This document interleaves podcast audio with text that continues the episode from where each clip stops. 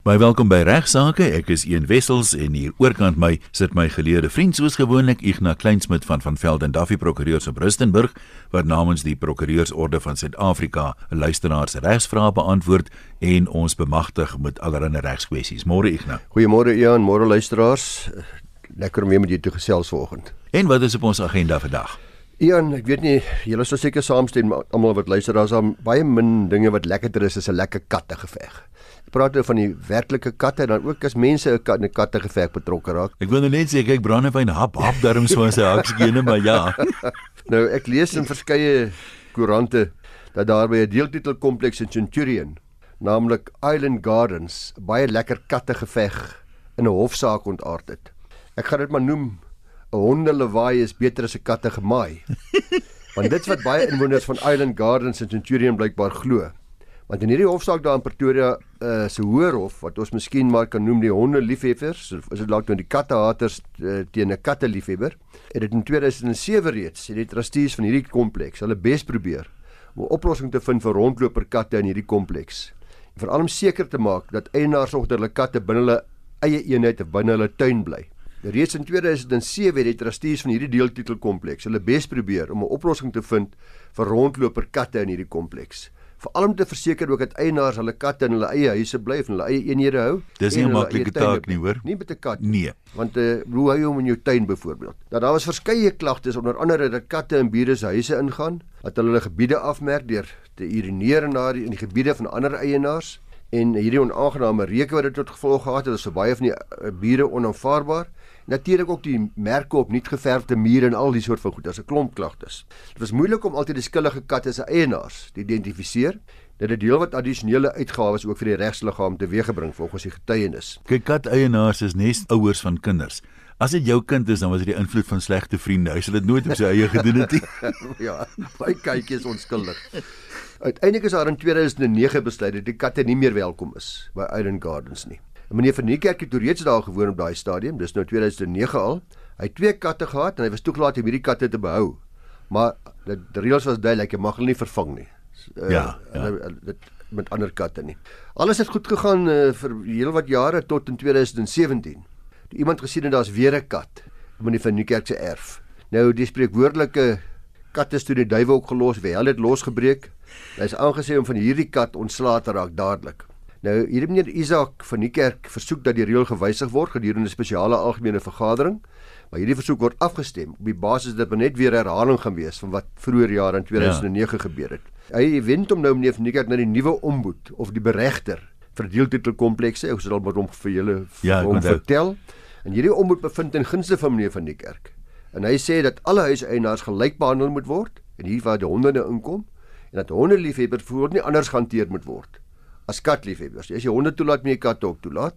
Uh aangesien dit diskriminasie en ongelykheid daar sal stel. Hierdie beheerliggaam aanvaar nie die uitspraak nie en vra die hof dan nou om hieroor te beslis of hierdie omboed se uitspraak. Met betrekking tot die bewering dat daar onbillike diskriminasie nou sal wees teen katliefhebbers, word aangevoer dat dit nie so is nie, aangesien katte wel gevolge reël toegelaat word in die kompleks, maar dat dit altyd onderhewig is aan die skriftelike goedkeuring van trustees wat natuurlik met diskriminasie is want daar ja. word die goedkeuring gegee vir katte. Maar interessant op daai punt, ek het daar in 'n eenheid of in 'n kompleks gebly waar jy katte kon aanhou, maar nie honde nie. Ja. Die mense se redenasie was die honde blaf tydig en ontydig elke slag as iemand voor die deur verbystap. Die katte is nou wel hier in Augustus maand bedrywig, maar hulle het nie dieselfde geraasbesoedeling as honde nie. Ja, in hierdie geval was dit nou net anders om behalwe die deeltitel komplekse beheerliggaam trustee sê, ons diskrimineer nie eintlik nie, want jy, jy mag hulle aanhou, maar jy moet toestemming kry. Maar natuurlik. Ja, maar dan gaan dit geen nie. Uh hulle sê dit geld vir alle troeteldiere, ook vir voëls, honde, reptiele ensovoorts. En is ook die reël sê ook baie duidelike toestemming mag nie onredelik weerhou word nie.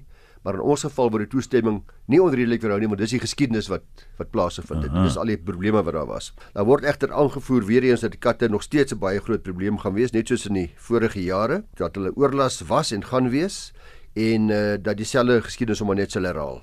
As bewys daarvan word voorgehou ook uh al die vorige voorvalle wat daar was. Die Gautengse Hooghof het die saak uitgestel en uh gevra dat daar verder inligting vir hulle gegee moet word onder andere die rekord van al die vorige verrigtinge wat daar was in 2009. Nou uh, luisteraars, ons wag, ek wag in uit, in, in spanning vir die uitspraak van hierdie saak. As mense betrokke is by daardie eenheid en hulle weet dat daar miskien 'n uitspraak is of was, hulle baie graag die uitspraak wil van weet. Ons kan dit nou miskien soos ek sê 'n dogfight noem wat veroorsaak word deur die kattekwaad van stout en ongemanierde katte, maar ek sal dit baie waardeer as iemand vir ons kan laat weet sodra die uitspraak gelewer is of die trustees miskien. Ek wonder wat dink ons luisteraars? Dalk dink die regter hy is die kat se snor Ian en dalk bevind hy die guns van die kat en sy eienaar of dalk weeg die katte se katte kwaad vir al die merke wat hulle oral los swaarder as hulle baas se liefde vir daai spesifieke kat. Ons sal ook in spanning maar moet wag om te sien of kat se kind gaan koring kry of is dit mel? Dis 'n moeilike kwessie hierdie want mense is verskriklik passievol oor troeteldiere. So. En die probleem is dink ek in tot 'n mate dat uh, katte en honde mense veralgemeen nou maar dit verskillende persoonlikhede. Elke buurt het 'n voorbeeldige soet hond wat luister na sy baas en 'n hond wat maak wat hy wil, net so met katte. Ek meen jy kan maar gaan kyk van dis nie elke kat wat die probleem het nie, maar dit ook persoonlikhede. Ek weet van mense wat twee katte het, die een regeer die hele kompleks, die ander enetjie sit net op 'n toeskouer daar en weet kyk vir alles. Ek meen as jy nou 'n klein katjie kry, jy weet nie of hoe hy gaan Nee, uitdraai of hy 'n aggressiewe Ja. kat gaan wees Ja, of nie. so. So dis baie moeilik en veral as mense nou eers lief is vir die goed om dan van hulle ontslae te raak. Ja, daar's so baie probleme in baie van hierdie eenhede. Ons sterk nou nie regtig vir uh, hierdie spesifieke eenheid nie want dit is 'n Ja. algemene probleem. Die ander ding wat interessant is as jy nou na 'n woongids kyk waar mense eiendom adverteer, soos wat jy dikwels Sondag kry saam met 'n Ja. koerant. Baie keer word daar pertinent gesê hierdie kompleks is pet friendly en die ander eh, kere sê hulle weer jy kan geen katte aanhou nie ja. en beide kere word dit as 'n voordeel voorgehou. Jy kan hier rustig kom bly, jy gaan geen troeteldier jou pla nie en hier kan jy kom rustig bly en jou hondekind of kattekind saambring. As jy daarna kyk, dan is die algemene indruk wat ek kry dat mense oor die algemeen nie ten gunste is van diere om hulle nie. Dat die dat die minderheid is maar die die diereliefhebbers wat nog hulle kykie of hondjie wil hou veral by hierdie komplekse. Daar nou al vir 'n hele paar jare groot tamaletjie die een van arbeidsmakelaars en werknemers wat deur middel van arbeidsmakelaars aangestel word. Ek het uh, my daarvan weerhou om enige van die vrae te beantwoord. Ons het heelwat gekry oor die laaste jare wat. Ek het gewag vir 'n goeie uitspraak en ons het nou so 'n uitspraak gekry. Dit is Assign Services Limited versus National Union of Metal Workers of South Africa se 2018 en hakkies 5 SA 323 daar in die Kaap. Nou artikel 198A van die Wet op Arbeidsverhoudinge se 2014 wet is deur die wetgewer gewysig en in ons howe onlangs gekyk na hierdie konfrontasie en hierdie saak is hulle daarmee gekonfronteer van hierdie artikel. Artikel 198A in hakkies 3 en hakkies 'n klein b sê dat 'n arbeidsmakelaar se werknemer wat minder as die voorgeskrewe salaris per jaar verdien en aan 'n kliënt uitgekontrakteer is, geag word om 'n werknemer van die kliënt te wees na verstryking van die periode van 3 maande.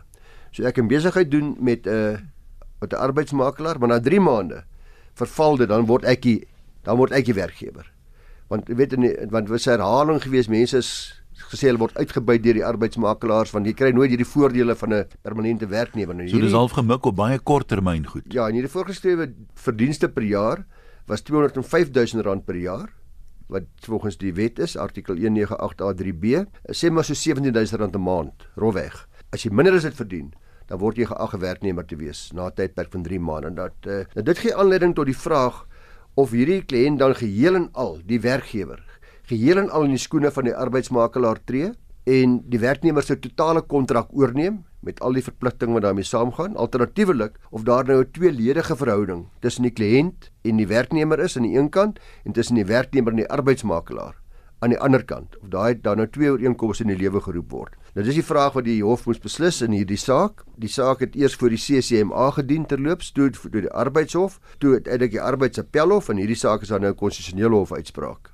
wat uiteindelik dan nou gelewer is in hierdie 2018 in hakkies 5 'n uh, hofverslag.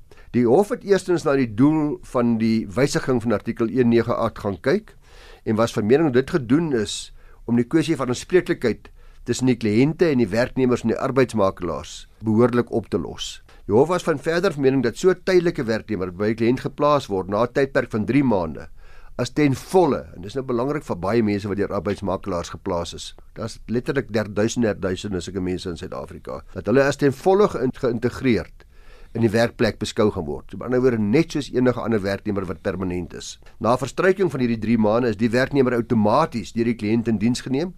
Ander woorde op dieselfde terme en voorwaardes as alle ander werknemers van hierdie kliënt wat natuurlik in 'n soortgelyke posisie aangestel is, dieselfde diensvoordele, dieselfde werksekuriteit, alles presies dieselfde as 'n permanente werknemer van daardie werkgewer. Uh die kliënt is die werkgewer nou tree dus in so 'n geval vir alle doeleindes in die skoene van die agentskap en die vorige verhouding tussen die agentskap, die die arbeidsmakelaar en die werknemer verval dus, dit word vervang met hierdie nuwe ooreenkoms wat nou outomaties oorgeneem word. Nou hierdie benadering sê die hof verkies hulle bo die moontlikheid van 'n tweeledige werksverhouding tussen die betrokke partye geskep word, jammer. Dit skep net weer verdere onsekerheid en dit gee ook die geleentheid vir die agentskap of die werkgewer om 'n spreeklikheid rond te skuif tussen hulle twee om dit moeilik te maak vir die werknemer.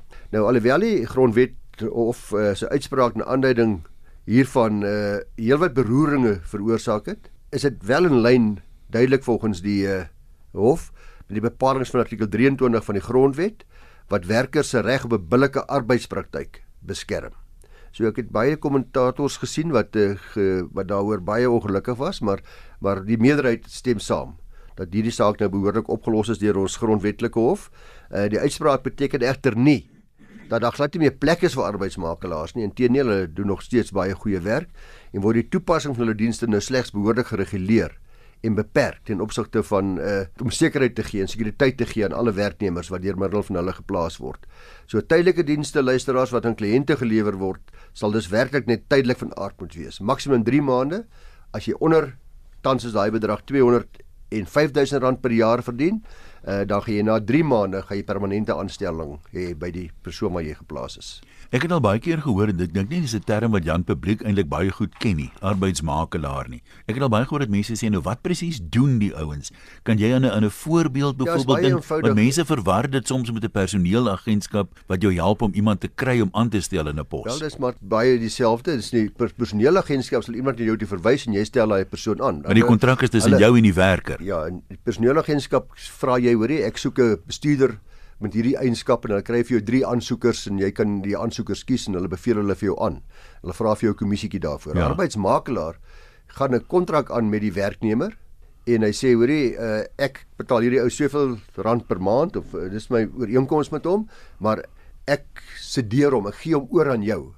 Ek gee hom aan jou, maar hy word nie van jou tot dit was nou voor tot hierdie nuwe wysiging gekom het en tot die hof nou daar word klarig het gegee. Jy kontrakteer nie met direk met hom, jy kontrakteer met my. So daar's nou twee ooreenkomste. Myne met die werknemer en die werkgewer en die makelaar. Is die twee ooreenkomste wat daar bestaan. Uh so nou die hof gesê jammer, dit werk nie so nie en die probleem daarvoor daarvan was, 'n persoon word geplaas vir 3 maande en dan vir 6 maande. Hy werk later 5 jaar by daai maatskappy by die nuwe werkgewer, maar hy word nooit 'n permanente werknemer. Mm. Hy kry nooit die voordele wat permanente werk werknemers kry nie. Dit was die groot probleem waaroor daar groot beroeringe was. 'n Baie duidelike verskil tussen die arbeidsmakelaar en die personeel uh, voorsieningsverskaffingsagentskappe. Luisteraars, 'n baie interessante briefie ontvang van 'n dame wat haarself Prossie noem. Nou, As jy die brief lees, dan kom jy agter sy uh, dit verwys maar na 'n prostituut. Sy was 'n ontkleeddanseres in Seepunt daar in Kaapstad vir 5 jaar sê sy. Gelukkig is sy gered van 'n dwelmhel wat sy beskryf vir my. So, uh, ek gaan nie die hele brief lees nie.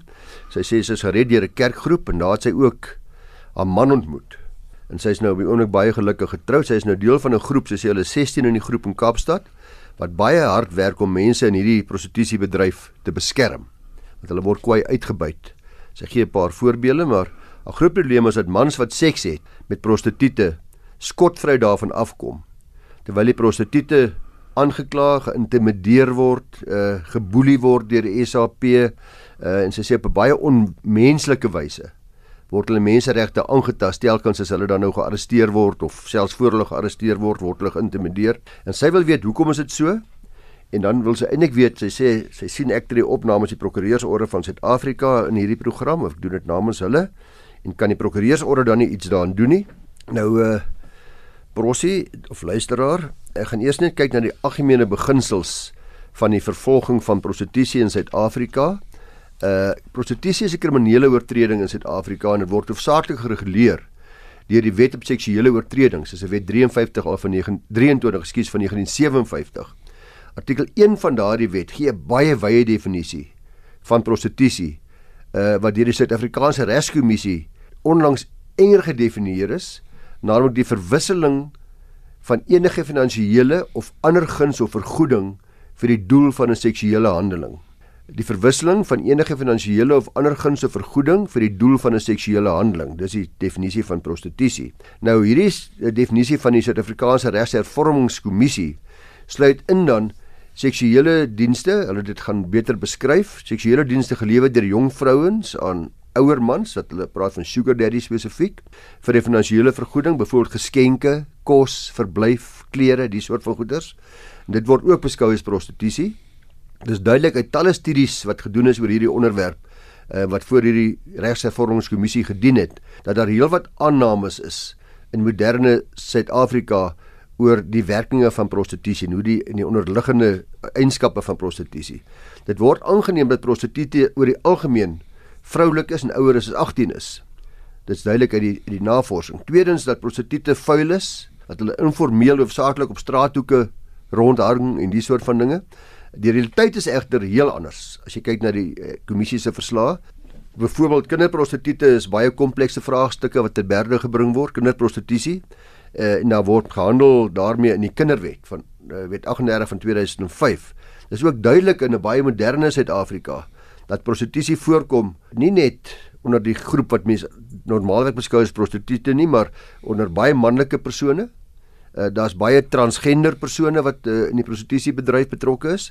Dat in Suid-Afrika soos in die res van die wêreld dat dit 'n algemene kommersiële handeling geword het wat selfs formeel plaasvind of baie formeel plaas, nie op straathoeke nie, in bordele, in sogenaamde escort agencies, dis gesellin agentskappe en ook na bewering baie dikwels onder die vaandel van sommige masseursalonne.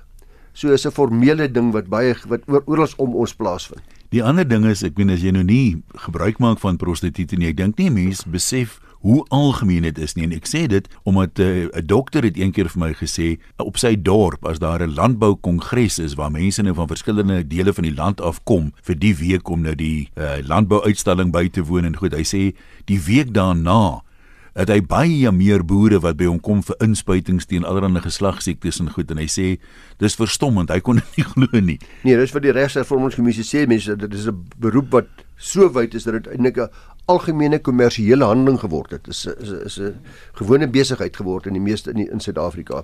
Nou histories luisteraars is prostitusie in Suid-Afrika relatief nuwe misdaad. Van ons ouer luisteraars sal dalk onthou dat tot in die laat 1980s was die uitruil van seksuele handelinge vir vergoeding nie in Suid-Afrika gekriminaliseer nie. Die wet wat jy net nou ver, na verwys het kom in 1957 uit. Dit is die wet op seksuele oortredinge, is 'n wet van daai tyd, maar prostitusie was toe hoofsaaklik gereguleer deur daardie wet. Dit was baie baie baie eng beskryf geweest. In 'n woorde, die gekriminaliseerde dele daarvan was uiters gering geweest. Uh -huh. So uitruil van seksuele handelinge vir vergoeding. Daai deel was nie gekriminaliseer nie die werklike bordeel, die werklike prostituut wat op sekere maniere optree was wel in daardie wet beskryf uh, as seksuele oortredinge wat in sekere wyse plaasvind kinders ensovoorts. En die uitlok daartoe of die leef van die opbrengs van prostitusie ook die bedryf van 'n bordeel is eers gekriminaliseer later in 88 toe die parlement 'n wet op immoraliteit daar gestel het. Dit het onder andere seksuele verhoudinge tussen die verskillende rassegroepe in apartheid in apartheid Suid-Afrika gekriminaliseer daai tyd Toe was die wet ook hernoem na die wet op seksuele misdrywe en daar op daai stadium.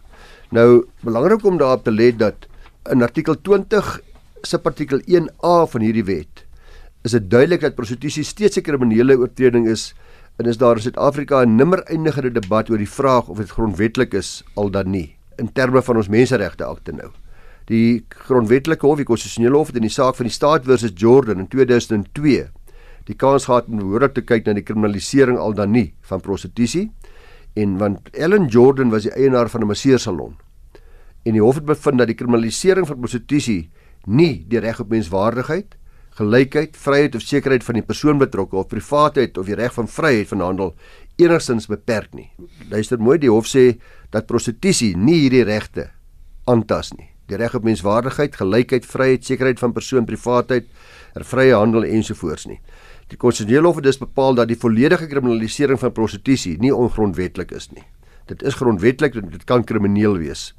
Belangrik is die vraag vir ons luisteraars, van ons luisteraar wat gevra is, is dat die feite in die staat versus Jordan was dat op 20 Augustus 1969 'n Polisiebeampte die die bordeel van Ellen Jordan binne gegaan het en R250 vir een van die dames betaal het vir 'n onsedelike massering. Die dame wat aangekla was in die Landdroshof het toe die Hooggeregshof later genader omdat sy beweer het dat die bepalinge in hierdie wet ongrondwettig was en ongeldig is. Een van die belangrike geskilpunte vir die hof was of hierdie bepaling waarna ek verwys het diskrimineer teen vrouens as dit dif diferensieer tussen die kliënt en die prostituut. Nou as luisteraar sê jy kan nie verstaan nie.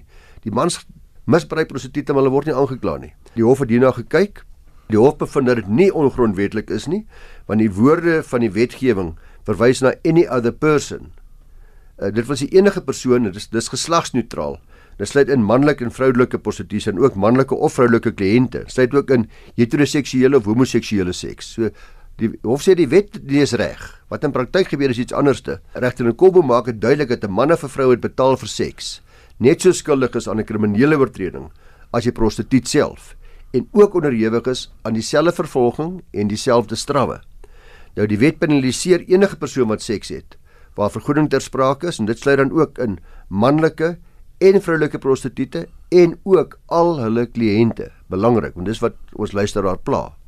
Nou nog 'n interessante aspek van die Jordan saak was die submissie van aan die hof gemaak is dat die grondwet waarborg ons reg op privaatheid wat beteken ons kan die privaatheid van ons eie huise doen. Ek moet nou dink aan die dagga storie. In eie huise kan ons doen wat ons wil. Dit sluit seks in met iemand anders vir vergoeding want dit is 'n privaat situasie in my eie huis. Die grondwetlike hof sê egter dat 'n persoon wat in 'n misdaad in die privaatheid van sy of haar huis pleeg, as dit 'n misdaad is wat in elk geval net in privaatheid gepleeg kan word, kan dan nie staat maak om te sê dit was in privaatheid gewees nie. Want dit is in elk geval die enigste plek waar die misdaad normaalweg gepleeg word, is in privaatheid, of in 'n slaapkamer, 'n hotelkamer of in jou huis is, bly 'n misdaad. En die sensie sê die hof uh, nooi prostituie die publiek uit om onwettige handelinge te kom verrig in die privaatheid van 'n kamer of 'n plek En daarom sal dit nie saak maak of hierdie handeling in die prostituutse bordeel plaasvind of in jou eie slaapkamer of jou eie huis nie. Die beperking op die reg tot privaatheid is gerig uitsluitlik op die seksuele aktiwiteit in ruil vir een of ander voordeel en daarom is dit daarom is dit 'n geregverdige beperking in terme van Klausul 36 van ons grondwet. Nou na hierdie uitspraak in die Jordaan saak of Jordan saak het die wetgewing dan ook in 2007 'n verdere bepaling in die wet daar gestel wat dit baie duidelik maak dat die kliënt wat die seksuele dienste koop net so skuldig is soos die prostituut self. Al sê die hof in Jordan saak, maar dis in elk geval die wet sê is daar die bewoording baie duidelik gemaak in 2007. Nou ons luisteraars sal weet dat daar in Suid-Afrika al vir baie lank 'n baie ewige debat gevoer word oor die vraag of wetgewing wat prostitusie strafregtelik vervolgbaar maak, nie sekswerkers se menseregte aantas nie. Suid-Afrikaanse Hervormingskommissie het nou onlangs in 2017 'n uitvoerige verslag die lig laat sien en het hulle dit gedoen nadat daar baie omvangryke deelname was, openbare proses was. Dit het ook staat gemaak soos ek nou nog genoem op uitgebreide navorsing. Nou, hierdie kommissie bevind dat prostitusie indirek uitbuitend van aard is en gewoonlik ontstaan waar mense deur haglike ekonomiese omstandighede gedwing word om 'n desperate en noodgedwonge oorlewingskeuse te maak. Dit skep amper die indruk dat uh, as werkloosheid toeneem behoort prostitusie ook toe te neem. Absoluut so. Dis deel van die probleem in Suid-Afrika. Die kommissie verwys na die werkloosheidsyfer en sê die mense moet oorlewe. En uh, as gevolg van hulle haaglike omstandighede is hulle desperaat en gaan hulle noodgedwonge hierdie beroep nou toetree. Hulle beveel aan aan die kommissie dat prostitusie ten volle strafregtelik vervolgbaar bly en daar liewers gekyk moet word dat die uitbreiding van programme om hierdie prostituie te oortuig daarvan om die bedryf te laat vaar en om hulle beter omstandighede te skep en hulle eie sosiale en ekonomiese omstandighede te hmm, verbeter. Soos wat jou skryfster onder andere gebeur het. Korrek ja, maar onthou nou ons praat van 27% werkloosheid. Hulle is maar deel van daai 27%. Daar's baie ander werklooses ook wat nie werk het nie. Hulle sê dan ook dat prostitusie nooit as 'n normale werk beskou kan word nie en in elk geval nie geskikte werkskeuse is vir enige mens nie, ook nie vir arm en gemarginaliseerde werklose mense nie. Daar's 'n persoon wat ek 'n uh, berig van gelees het, Ryan Smit, die uitvoerende direkteur van Cause for Justice. Dis min of meer dieselfde tipe van organisasie wat ons luisteraar waarskynlik kan behoort. Dis 'n organisasie wat grondwetlike regte bevorder en beskerm vir prostituie. Uh verwys in 'n mediaberig na internasionale navorsers so Dr Melissa Farley en ander kenners wat aantoon dat die wettiging van prostitusie nie die gevaar en skades daarvan verminder of uitwis nie. Trouwens sê die navorsing Dit vererger dit. Dit uh, die geweld gaan voort teen prostituie en oortreders skuil normaalweg agter die skaanse van 'n wettige bedryf sodra dit gewettig word. Navorsers wys ook daarop dat in lande waar prostitusie ten volle gedekriminaliseer is, soos wat daar baie versoeke is in Suid-Afrika, dit wil sê gewettig word of mhm. gereguleer word, daar beduidende toename is in mensehandel vir doeleindes van hierdie prostitusie, van hierdie wettige bedryf. Almal stem egter saam dat mense in die prostitusiebedryf is mense met dieselfde menseregte as ons almal wat vandag luister insluit in die reg op menswaardigheid. Dit is belangrik dat hierdie menswaardigheid nooit te koop moet wees in 'n land soos Suid-Afrika nie. Dis as ons aan luisteraars moet sê wat eintlik die antwoord is uh, aan, aan ook aan Prosie. Die inligting moet jy hê dat die kliënt nie ook aangekla kan word nie is foutief. Kliënte kan beslis aangekla word. En ek moet sê hulle behoort inderdaad aangekla te word as jy na die uitsprake lees en as jy na die wetgewing kyk. Wat werklik in partyk gebeur is ongelukkig my indruk ook is iets anderste. Dis ook my waarneming dat uh, daar selde vervolging is teen die kliënte. Die redes daarvoor is aan my onbekend en ek kon dit nêrens in, in navorsing ook vind nie. 'n uh, Een moontlike rede is dat natuurlik sodra die kliënte voor die voet vervolg word, dit 'n baie dramatiese uitwerking hê op die hele prostitusiebedryf. Dit sal En ons hoewe het nie die kapasiteit. Dit sal uh, waarskynlik die inkomste dramaties afekteer wat miskien 'n probleem is. Dis weer aan die ander kant onaanvaarbaar vir baie mense wat agiteer uh, dat die prostitusiebedryf verwettig moet word sodat daar werk geskep moet word en 'n inkomste geskep moet word vir 'n groot deel van hierdie gemarginaliseerde arme mense wat geen ander hoop het om om 'n bestaan te maak nie. So uh, Prosie, jy en jou groep wat uh, prostituie se menswaardigheid uh, wil bevorder, ek wil maar net sê gaan voort met julle goeie werk. Dankie Ignas, dis alwaar vir ons gaan tyd hê vandag.